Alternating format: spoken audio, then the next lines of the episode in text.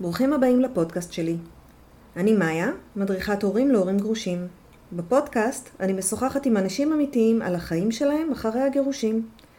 אז מעבר לסטיגמות ולהנחות, סיפורים אמיתיים של אנשים אמיתיים. פתיח ומתחילים.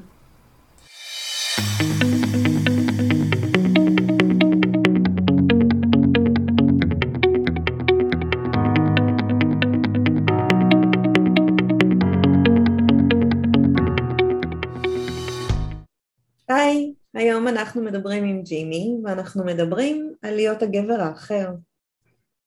ג'ימי, רוצה להציג את עצמך? אה, קוראים לי ג'ימי, כמובן לא שמי אמיתי, תושב המרכז, 40 וקצת, גרוש, אה, כל החבילה. כן. זה, זה מי שאני. ואיך אנחנו מתחילים את הסיפור? מתי אנחנו... מתי האישה נכנסת לסיפור? מתי נכנסת? בערך משהו כמו שנה אחרי שאני וגרושתי נפרדנו, גרשנו. אה, איפה אתה מכיר אותה? איפה אני מכיר את האישה האחרת? כן. אה, דרך איזשהו... אה, אחת הרשתות החברתיות, אוקיי. אה, באיזושהי קבוצה של תחום עניין משותף. מהמם. כמה הערות שהיא זרקה ואני זרקתי והתגובות אה, ההדדיות, אה, היה שם איזשהו ניצוץ. ו... וזהו עכשיו, אני הייתי אז אה, בתקופה... הייתי בתקופה של, איך נקרא לזה, סוג של התעוררות או לידה מחדש, אולי זה נשמע קצת פלצני, אבל זה באמת היה ככה, כי אני תמיד הייתי בן אדם עם ליבידו מאוד מאוד סוער, מאוד יצרי, מאוד פתוח, ומה לעשות שכשאתה מעל 15 שנה בזוגיות, שחציה הוא כבר לא בטוב, אה, זה היה חסר. אין סקס. כן. אין סקס, ודברים לאט לאט נחבים מבפנים.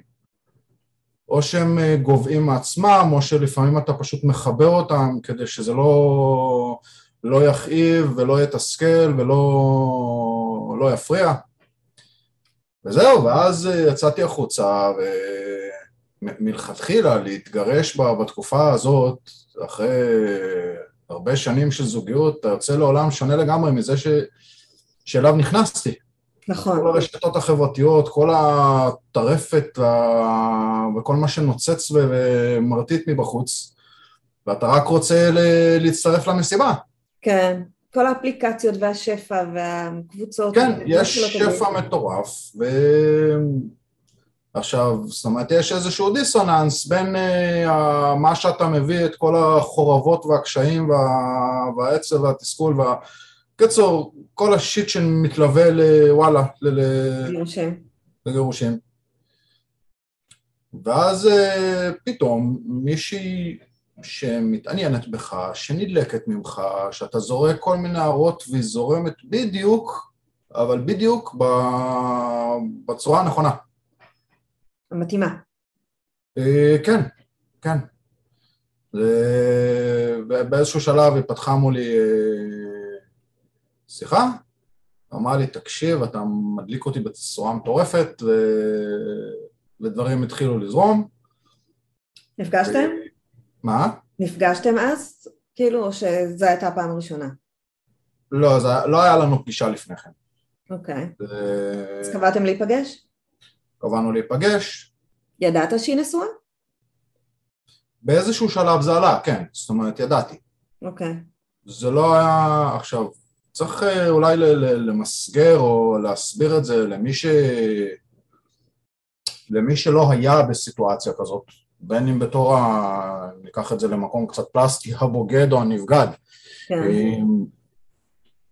אנחנו חיים בחברה שבה התפיסה, יש את התפיסה המונוגמית שאומרת שבעצם אה, הנישואים זה משהו שהוא מקודש. ו, ולעשות אה, את מה שאני עומד לעשות זה משהו שהוא אה, מוסרית ומוצפנ, ומצפונית הוא, הוא פסול. נכון. אבל זה מה, וגם אני אה, החזקתי ב- בתפיסה ובדעה הזאת. כלומר, אתה לא בגדת כשאתה היית נשוי. לא, אני לא בגדתי מעולם, אה, ככל שידוע לי גם גרושתי לא בגדה בי, אה, זאת אומרת, נשארנו נאמנים עד שזה נגמר. אוקיי. ככל שידוע לי, ואני גם באיזשהו שלב, אחרי, ש... אחרי שהיחסים בינינו, אחרי הגירושין אה, כבר השתפרו, ונוצר קצת דיאלוג, אז באיזשהו שלב אני גם אה, אמרתי לה, תקשיבי, אין לי מושג אם עשית משהו או לא עשית משהו מאחורי הגב שלי. אה, מבחינתי, גם אם היה, אז אני מבין את זה. כן. כי באמת, בסוף היה רע. אין מה לעשות, כל זוגיות מתחילה תמיד בטוב. כן. מה לעשות, שלפעמים היא לא נגמרת בטוב. אם לא היה רע, לא הייתם נפרדים. נכון. ואז אה, בעצם מהמקום הזה, פתאום אה, אתה מגיע לנקודת, אה, אני לא יודע אם דילמה זה הגדרה הנכונה, כי זה מאוד מאוד זרם לי.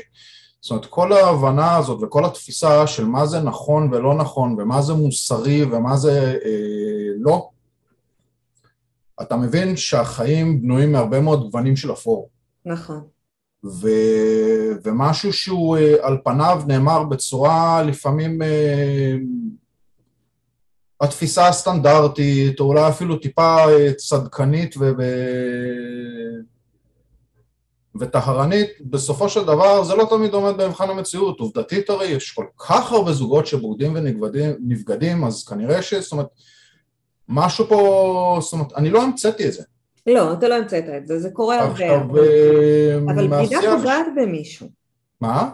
המידה, הדבר המוסרי שאתה מדבר עליו זה ש, שבגידה היא פוגעת במישהו. אמ, קודם כל, ככל שידוע לי, אה, הגבר שלה מעולם לא ידע. אוקיי. זה תמיד נעשה בצורה מסוימת שבה הוא לא היה יכול בכלל לדעת שזה מתקיים. עכשיו, בסופו של דבר, כשנפגשנו, אז זה מאוד uh, הציף או גרם לי להבין כמה, uh, קודם כל, אם זה לא היה אני, היה אני, כנראה שזה היה מישהו אחר, וגם להבין כמה uh, אומללות וכאב יש מהצד שלה שהיא מגיעה לנקודה הזאת. כן. והיא עשתה את זה מתוך בחירה היא הסתכלה על האמת ישר בעיניים, היא לא נתנה לעצמה כל מיני לא צידוקים ולא מכרה לעצמה סיפורים, זה היא אמרה לעצמה את זה בצורה הכי ברורה, רע לי בבית, הנישואים שלי גם ככה ב... במורד, כן. ו- והיא כמוני, אישה עם ליבידו מאוד מאוד סוער ו- וראש פתוח וחשקים ותאוות ומה לא. ו- וכן, זה קרה. כמה זמן זה נמשך? זה נמשך משהו כמו שלושה חודשים בערך. אוקיי. אפילו קצת יותר, ארבעה, פלוס, ו... וזהו, וזה היה, כמה שמוזר להגיד, זה אני חושב היה אולי הסקס הכי טוב שהיה לי בחיים. בגלל שזה היא, או בגלל שזה היה אה, בהסתר, במים... זה לא היה העניין של ההסתר. הסקס עצמו פרופר, זה לא, הוא היה פשוט, אה, התאווה והחשקים והיצריות והאטרף, הם היו, זה היה מושלם. שני אנשים נורא צמאים. שני אנשים נורא צמאים עם התאמה מינית אה, מושלמת, שזה משהו שהוא סופר נדיר. כן. אני חושב שהרבה פעמים אנחנו לא תמיד מזקקים לעצמנו את המושג הזה של מה זה התאמה מינית, כי הרי אנחנו נורא משתדלים למצוא התאמות ברמה של אופי, של תכונות, של אה, תפיסת עולם. כי לטווח הארוך אנחנו חושבים שזה מה שיועיל לנו, מה, שיהיה... מה שיחזיק את היחסים. ברור, אבל בסופו של דבר התאמה מינית זה משהו שהוא מורכב. זה לא משהו, א', זה דבר שהוא מאוד מאוד מאוד לא מובן מאליו, ו, וגם כשהוא מתקיים, אז זה, זה משהו שהוא, זה גם בהתאמה הפיזית. כן. גדול מדי, קטן מדי, רחב מדי, אה, אה. מה שלא יהיה. זה גם ההתאמה מבחינת התפיסות, החשקים, הפנטזיות, אה, שלא לכל אחד יש את אותו דבר. נכון, הרצונות, בוודאי. ולהגיע למצב שבו יש התאמה כל כך מושלמת, זה משהו שהוא נדיר, הוא באמת באמת נדיר. אני מסתכלת שנייה ואני אומרת, האחריות המוסרית היותר גדולה כמובן היא עליה, כי היא בחרה, זאת אומרת, לה יש בעל בסיפור, היא צריכה לעמוד מולו וזו הבחירה שלה. אבל איך אתה מרגיש שבעצם, הנה, מצאת לך מישהי שההתאמה המינית היא מושלמת וכיף לכם ביחד ונפלא, אבל אתה לא יכול להמשיך את היחסים, ל... אתה לא יכול לקחת אותם לשלב אחר. לא רציתי לקחת אותם לשלב אחר. היינו חברים טובים גם בלי הסקס עצמו. היא לפעמים הייתה מגיעה אליי כל כך אומללה, שזה היה יכול להיות עכשיו איזשהו סשן של, לא יודע מה, 20 דקות, חצי שעה של סקס, ואחרי זה יושבת שעות, שופכת את הלב, דמעות, קללות, מה שלא יהיה, פשוט כי כנראה שלא היה לה אף אחד אחר שיכלה לפרוק ולשתף בצורה כזאת. אז בכלל... לרדת לרמות הכי אינטימיות. אז יש לכם אינטימיות מינית ויש לכם אינטימיות אחד מול השני ואינטימיות אינט, אינטלקטואלית וכאילו זה נשמע מושלם, זה נשמע זוגיות ממש טובה. מבחינתה באותה תקופה לפרק עדיין לא היה רלוונטי, בהמשך זה כבר היה. אבל באותה תקופה אי אפשר היה, זה, זה הכל היה חייב להיות בהסתר וגם לא לחשוף שום דבר לא בפני הבעל ולא בפני הבנות. זאת אומרת היית מאוד מעורה בחיים שלה. היא שיתפה אותי. הייתי מעורה כי כי ראיתי כמה טוב זה עושה לה גם לפרוק ו- ולשתף, ולקבל דעה לא משוחדת והכי אמיתית, והיו פעמים שאמרתי לה את האמת בפרצוף שהיא לא תמיד אהבה לשמוע. כן. אבל דווקא בגלל זה היא אהבה את כל הסיפור הזה. כי היא ידעה שהיא תקבל תשובה כנה. כן. מה זה עשה לך? מה זה נתן לך? מה זה נתן לי? זה... אני, אני כל הזמן ידעתי בדיוק מי אני ומה אני בתוך הקונסטלציה הזאת. מי אתה ומה? רגע לא השליתי את עצמי שזה יהפוך, שיתפתח מפה משהו, היה ברור לי שזה משהו שהוא על איזשהו פרק זמן שאול, שאף אחד לא יודע כמה זמן זה ייקח. זאת אומרת, ידעתי בדיוק מה יש פה, שני אנשים שמאוד מאוד נהנים מסקס. אוקיי. Okay. שהוא, שהוא אסור, אין מה לעשות. למה זה נגמר? זה נגמר בטוב, אה, זה נגמר כי הרגיש לי שזה הגיע לנקודה שבה ראוי, אה, זה, זה הכי נכון לעצור את זה. בוא נדבר על הנקודה הזו. מה בך, בתוך הסרגל המוסרי שלך, אפשר לזה לקרות, ומה סיים את זה? מה שאפשר לזה לקרות זה שני דברים. א', התובנה שאם זה לא איתי, זה מן הסתם יהיה עם מישהו אחר. אוקיי. ופה... קצת להוריד אחריות ממך. זה לא להוריד אחריות. זאת אומרת, האחריות היא עדיין עליי. לא, לא, לא סיפרתי לעצמי סיפורים ולא מכרתי לעצמי לוקשים בשום מצב שהוא, זאת אומרת, היה ברור לי בדיוק מה אני עושה. כן. וגם היה ברור לי שיש סיכוי, קלוש ככל שיהיה, שגם הדבר הזה יתפוצץ. אבל זה היה כל כך ממכר וכל כך כיפי, שאמרתי, בגלל, זאת אומרת, בשביל סיכון כל כך נמוך, אני מוכן לקחת את הריזיקה. וזה גם התובנה שיש פה באמת חיבור שהוא מאוד מאוד נדיר. יודעת מה, אולי דווקא בגלל הידיעה שזה על איזשהו טיימר שאתה לא יודע, זה, אתה יודע שמאחורי הגב שלך יש שעון חול. כן. אתה לא יודע מתי הוא ייגמר. יכול להיות שזה בעוד חודשים, יכול להיות שזה בעוד כמה שעות. זה גורם לך לחיות בעצימות? לנצל כל, כל זמן שאני פה, יאללה, בוא נעשה את המקסימום כי זה יכול להיגמר עוד דקה? תשמעי, זה לא שיכולנו להיפגש אה, כל הזמן, זה היה פגישות של אה, פעם שבוע, פעם בשבועיים, אז כן, אבל כל פגישה כזאת, במידה מסוימת, אה, זה, זה כאילו, מצד שני זה הרגיש שזה המשך של הפעם הקודמת, ומצד שני זה הרגיש שזה הפעם הראשונה. נורא מרגש. היה בזה משהו מאוד מאוד מסעיר ומרגש ו... וכיפי. זה היה הלמה כן. אוקיי. לגבי הלמה לא, זה פשוט הרגיש לי שזה הגיע לאיזשהו... אה, לאיזושהי קונסטלציה, איזשהם אה, נקודות שבהם אה, לא כדאי להמשיך מפה. זה מאוד מסתורי מה שאתה אומר. תשמעי, בסופו של דבר, יש פה מישהי שכרגע לא נמצאת בשיחה הזאת, שיש לה את הפרטיות שלה ואת ה... אני מתכוונת לרעיון הכללי, ממש לא לפרטים. בגדול, בגדול, אני מניח שאולי משהו בממד הרגשי התחיל להתעצם מחוץ לקווים האדומים. אוקיי. זאת אומרת, זו אולי ההגדרה הכי קרובה שאני יכול לתת למה שהיה. שזה מתחיל לחרוג מהגבולות גזרה, ועדיף לעצור את זה כאן, אה, וזה הסבר מאוד מאוד פשטני, זה היה יותר מורכב. כן, ברור. אבל מה שאתה אומר פה זה ששמרת על עצמך. כדי לא להיפגע יותר, כדי לא להיכנס יותר עמוק. כן. שוב, באמת היה חשוב לאורך כל התקופה הזאת לשמור בדיוק על התובנה גם של אה, מי אני, מי את, אה, מה אנחנו עושים פה ומה הגבולות שלנו. אז אני מנסה לחשוב ולהבין מה גבר שלא היה מוכן לבגוד באשתו גם כשהיא אמרה לו לך, אתה מתגרש ו- ומשהו נפרץ, משהו משתנה בתודעה שלך. ברור שמשהו נפרץ. הכל נפרץ, הכל השתנה. ממש כמה ימים או שבועות אחרי ש...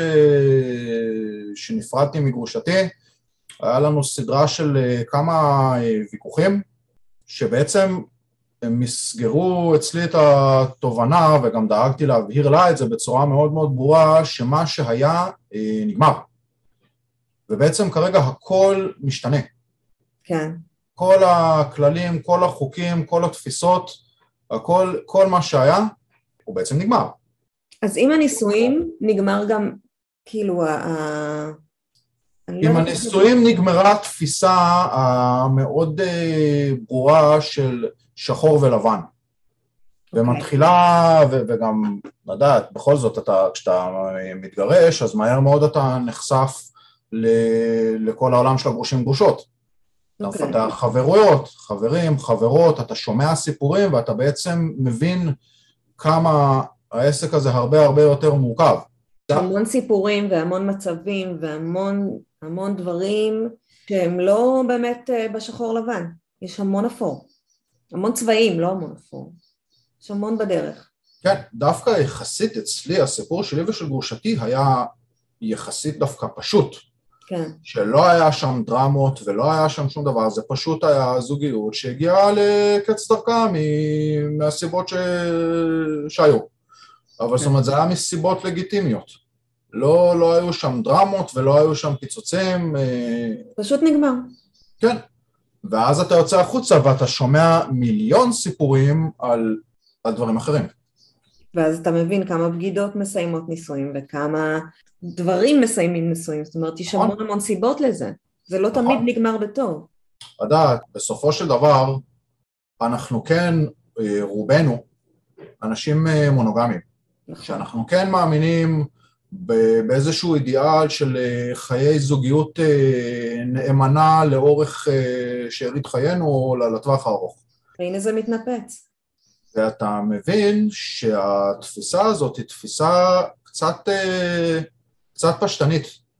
כי כן. בסופו של דבר, אחרי שאתה נמצא קרוב ל-20 שנה עם אותו בן אדם, אנשים משתנים, אנשים מתפתחים. לא תמיד זה הולך אה, בצורה מקבילית לאותו כיוון, לפעמים ההתפתחות היא לכיוונים שונים.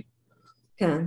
וזה יכול להיות בכל דבר שהוא, בתחום של ה... אה, בתחום של תעסוקה, בקטע של הורות, בקטע של זוגיות, במיניות. אתה פורץ המון מסגרות. זאת אומרת, יש המון אה, רכיבים בזוגיות שכל אחד מהם הוא עולם ומלואו. Mm-hmm. ו- אה, וכל אחד מהם יכול בנקודה מסוימת להתחיל להשתבש. עכשיו, כמובן שכדי לפרק זוגיות צריך שהרבה מאוד דברים ישתבשו בצורה אה, משמעותית, כדי להגיד, טוב, זה כבר לא עובד.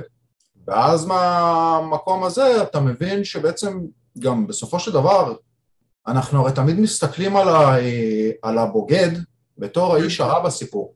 נכון. והמון פעמים זה לא נכון. או יותר נכון, זו ראייה נורא פשטנית. הרבה כן. פעמים, כדי להגיע לשלב של בגידה, בואי נחשוב על זה רגע בצורה מאוד, אה, ברמה עובדתית. זוג חי ביחד לאורך זמן, אמור להיות באהבה, בנאמנות, זאת אומרת, כן. זה לא סתם ככה ש... זה לא שעושים את זה בצורה מוסכמת שטוב, אנחנו פותחים את הנישואים או, או עושים uh, swinging וכל הדברים האלה. צריך לקרות משהו ממש רע, קטסטרופלי, כדי לגרום לאחד משני הצדדים לבוא ובעצם לשבור את הנדר הזה שהיה לנו תחת החופה, שביחד רק אנחנו לנצח. אתה חושב שזה צריך להיות קטסטרופלי? אני חושב, מה זה קטסטרופלי? זה לא יכול להיות, לא מתאים לי יותר, הסידור הזה. כן, אבל בדרך כלל הלא מתאים לי יותר, אני חושב שהוא נאמר בצורה אה, אחרת מאשר... כן, כי הוא שובר את המסגרת, הוא צריך להיות... זה, ש... זה לשבור את המסגרת בהסתר. לא בצורה, זה לא כמו שאני כרגע אבוא לבת זוג שלי ואני אגיד לה, תקשיבי, זה לא עובד בינינו. בואי נמצא פתרון אחר, או שבואי נסיים את זה. אבל אז הדברים על השולחן. פה זה נעשה בהסתר. וזה כן, לדעתי צריך לקרות משהו, משהו ממש רע, כדי להביא אותך לנקודה שאתה אומר, בעצם אני כרגע אה, שובר את כל המוסכמות, אני שובר את הנאמנות, אה, אני מעמיד בסיכון אמיתי את הזוגיות, כן. כי אם הדבר הזה ייחשף, זאת אומרת, כל זמן שלצורך העניין אני כרגע בוגד באשתי, mm-hmm. אז עם מישהי אחרת, אז אני יודע שאני מעמיד פה את הזוגיות באיזושהי סכנה, שיכול להיות שאם הדבר הזה עכשיו מתגלה, זה לעבור מ-0 ל-100, זה יכול להיות שתוך דקה אני אהפוך מבן אדם נשוי לבן אדם שהוא כבר אה, לא נשוי. כן, הסיכון גדול. שנבעט מהבית אה, עם הבגדים לאורו וזהו בערך.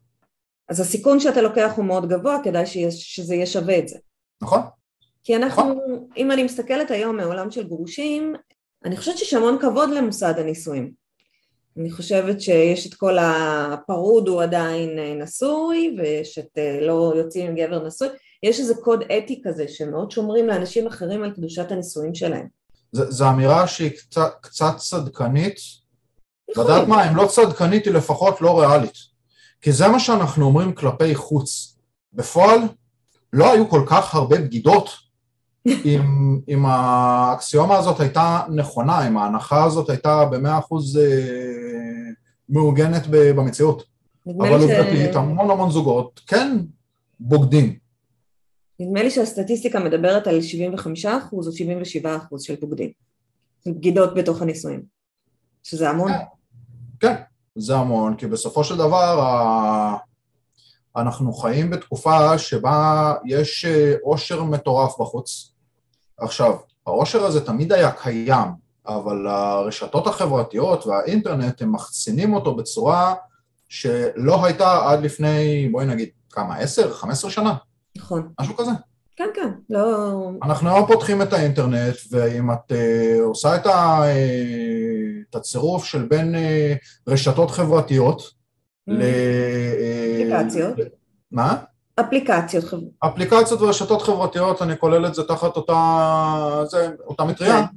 יש את זה, יש את כל העולם של הפורנו שהיום הוא נורא נורא נגיש והוא נורא מסנוור. כן. וכשאתה מחבר את כל הדברים ביחד, אתה מקבל קוקטייל די, די אה, קטסטרופלי. זאת אומרת, הוא יוצר אה, המון המון גירויים חיצוניים ש... שמעמידים את המושג הזה של זוגיות קלאסית במבחנים שאני חושב שהדור של ההורים שלנו מעולם לא עמד בו. הוא כן עמד במבחנים, אבל זה לא היה כל כך מוחצן. תשמע, שנות ה-70, אם תסתכל על התוכניות ועל כל ההיפים והמין חופשי ואוהבים את העולם, היו המון מסיבות של חילופי זוגיות ו... אבל בדיוק, זה משהו שהוא היה בהסכמה. בהסכמה לגמרי, כן. ואני חושב שהיום העושר בחוץ הוא נורא מסנוור אה, גם למי שנמצא, ב... אני חושב שאחת הסיבות העיקריות שהיום אחוז הגירושים הוא כל כך גבוה, זה שהיום אנחנו לא מחפשים זוגיות, אנחנו מחפשים אה, זוגיות איכותית. אוקיי. לא. סתם שידך, לא סתם אני ואת עכשיו ביחד. אז מה זה אלא זה משהו שהוא צריך להיות איכותי, טוב, מפרה, אה, מסעיר, שיהיה לנו טוב ביחד. גם חושבת... בשגרה וגם בשבירת שגרה. עכשיו, ברגע שהשגרה היא כבר מתחילה אה, לעכל ולחסום, ו... ואתה נכנס לאיזשהו מדבר של אה, בנאליה, mm-hmm. זה בעצם כבר התמרור שמראה לך את הדרך למקומות אה, אחרים. אני חושבת שאנחנו רואים את זה עכשיו, בגילנו, אני לא חושבת שבגיל צעיר זה מה שהם רואים. אני חושבת שבגיל צעיר הזוגיות מוכוונת ילדים. ומשפחה. נכון. ואז אולי מסתכלים על זה קצת אחרת. אני מסכים. כן, מסכים. אני מסכימה איתך שכרגע, כשיוצאים מנישואים, כשכבר יש ילדים, כשאתה נמצא, שהחיפוש שלך לזוגיות הוא, הוא לזוגיות אחרת בעצם, כי זה כבר לא לבנות בית ביחד, אז הפרמטרים שונים והאושר מאוד מסנוור. אני רק חושבת שזה פייק, כל האושר הזה, זה לא באמת. אני מסכים. אני לא יודע אם זה פייק, אבל הוא, הוא בטוח הרבה הרבה יותר אה, מסנוור ממה שהוא באמת. כן. זה כן. גם, יודעת, גם אי אפשר להשוות את הדור שלנו לדור שצעיר מאיתנו נגיד ב-20 שנה, חבר'ה, כל המילניאלס. כן. זה דור שהוא שונה לגמרי, התפיסות שלו הרבה פעמים לגבי אה, זוגיות, סקס, הן שונות לגמרי מהתפיסות שלנו. כל מה שקשור... שלא לגבי כל דבר הן שונות. כן, תפיסה של, אה, של מיניות, של מגדר. של הכל. פעם, פעם היינו אה, עושים הבדלה, יש זוג רגיל, יש לסביות, יש הומוסקסואלים, מישהו אמר יש לסביות? הצעיר של היום, זה, יודעת מה, זה כמו שהיה בסרט הלהקה, ששאלו את הבחור ההומו, תגיד, אתה אוהב לשכב עם, אתה אוהב גברים? אז הוא אמר, אני אוהב את כל מה שיפה. כן. אז הדור הצעיר של היום, הוא בעצם די מממש את המשפט הזה. אין יותר, לא מעניין, אה, אני עם גבר, אני עם אישה, מי שעושה לי טוב ומי שאני נהנה איתו, זה, עם זה אני חי. נכון. היום זה הכל, הכל אחר, לא טוב לי, אני קם והולך, אני עוזב עבודה אחרי שנה, אבא שלי עבד באותו מקום 40 שנה, אף אחד לא העז לעזוב, היה צריך צורך בביטחון כלכלי. היום, היום זה אחרת, היום זה יותר מוכוון אני, פחות נכון. אה, מוכוון המשפחה. אבל אנחנו, שאנחנו כאילו דור אה, אחר, יותר יציב, הגירושים, הנישואים היו מקודשים אצלנו. אני לא חשבתי שאני אתגרש. אני חושב שהנישואים לא איבדו מהקדושה שלהם כמו שהם אה, אני לא אגיד שהם איבדו את הרלוונטיות. הם היום נמצאים כבר במקום שהוא הרבה פחות uh, מובן מאליו. אני לא מדבר על לקחת את הבן או בת זוג כמובן מאליו, אלא את עצם ההגדרה של הזוגיות הנשואה, שלוקחים את זה בתור איזשהו משהו שהוא מובן מאליו. ובגלל זה היום גם הרבה יותר זוגות הולכים uh, לכל מה שקשור לפתיחת נישואים, לפוליאמוריה, כן. מחפשים איזשהו עמק שווה שמצד אחד לא לאבד את הביחד, מצד שני גם לא להיקלע בתוך הביחד. זה דווקא נהדר בעיניי, למצוא פתרונות שבתוך הנישואים מאשר פתרונות מחוץ לנישואים. זה מקסים, זה לדעתי, אם אפשר לקרוא לזה ככה, זה אולי האידיאלי. ש... שמגיעים לאיזה שהם הסכמות שבהם אה, כל, אה, כל אה, אחד מבני הזוג, או בני הזוג ביחד, מממשים דברים שהדעת שהם, שהם מעבר. ועכשיו, מה קורה איתך? איפה אתה נמצא? איפה אני נמצא? לאחרונה סיימתי זוגיות אה, מאושרת וטובה. זהו, והחיים ממשיכים הלאה. בדרך לזוגיות הבאה? כן, ועם אותה בחורה אני עדיין בקשר אה, רק טלפוני פעם, ב, פעם בהרבה. זהו, היא התגרשה, מצאה לה בן זוג חדש, זאת אומרת זה כבר לא היה קשור אליי, כי אחרי שסיימנו את הקשר, אני חושב שלקח עוד משהו כמו שנה עד ש... שהיא כבר הגיעה לתובנה ש... שזהו, שהיא כבר לא יכולה יותר. והיא לא חזרה אליך, למרות הקסם? היא רצתה. היה לה קשה עם זה שהחלטתי לסיים. כן. אה, אני הרגשתי שלם עם זה, למרות שזה כאב, כאב לי, וזה כאב הרבה יותר לה, אבל ידעתי שאני עושה את הדבר הנכון מבחינה, מבחינה לוגית, mm-hmm. המחשבה, וזה היה מבחינתי, יודעת מה, באיזשהו מקום זה היה, הקושי הגדול היה בעצם לנטרל את החלק הרגשי, את, ה, את ההורמונים, כי באמת הסקס היה מטורף. כן. זאת אומרת, למה לסיים דבר כזה מושלם, אבל כן. בכל זאת זה הגיע לנקודה שזה היה צריך אה, להסתיים. אבל זהו, אני יודע שעכשיו היא חיה בטוב. שמח בשבילה. ואתה שלם עם זה שזה לא, לא פנית ולא רצית להמשיך. נכון. אוקיי. ג'ימי, תודה רבה על השיחה הזו.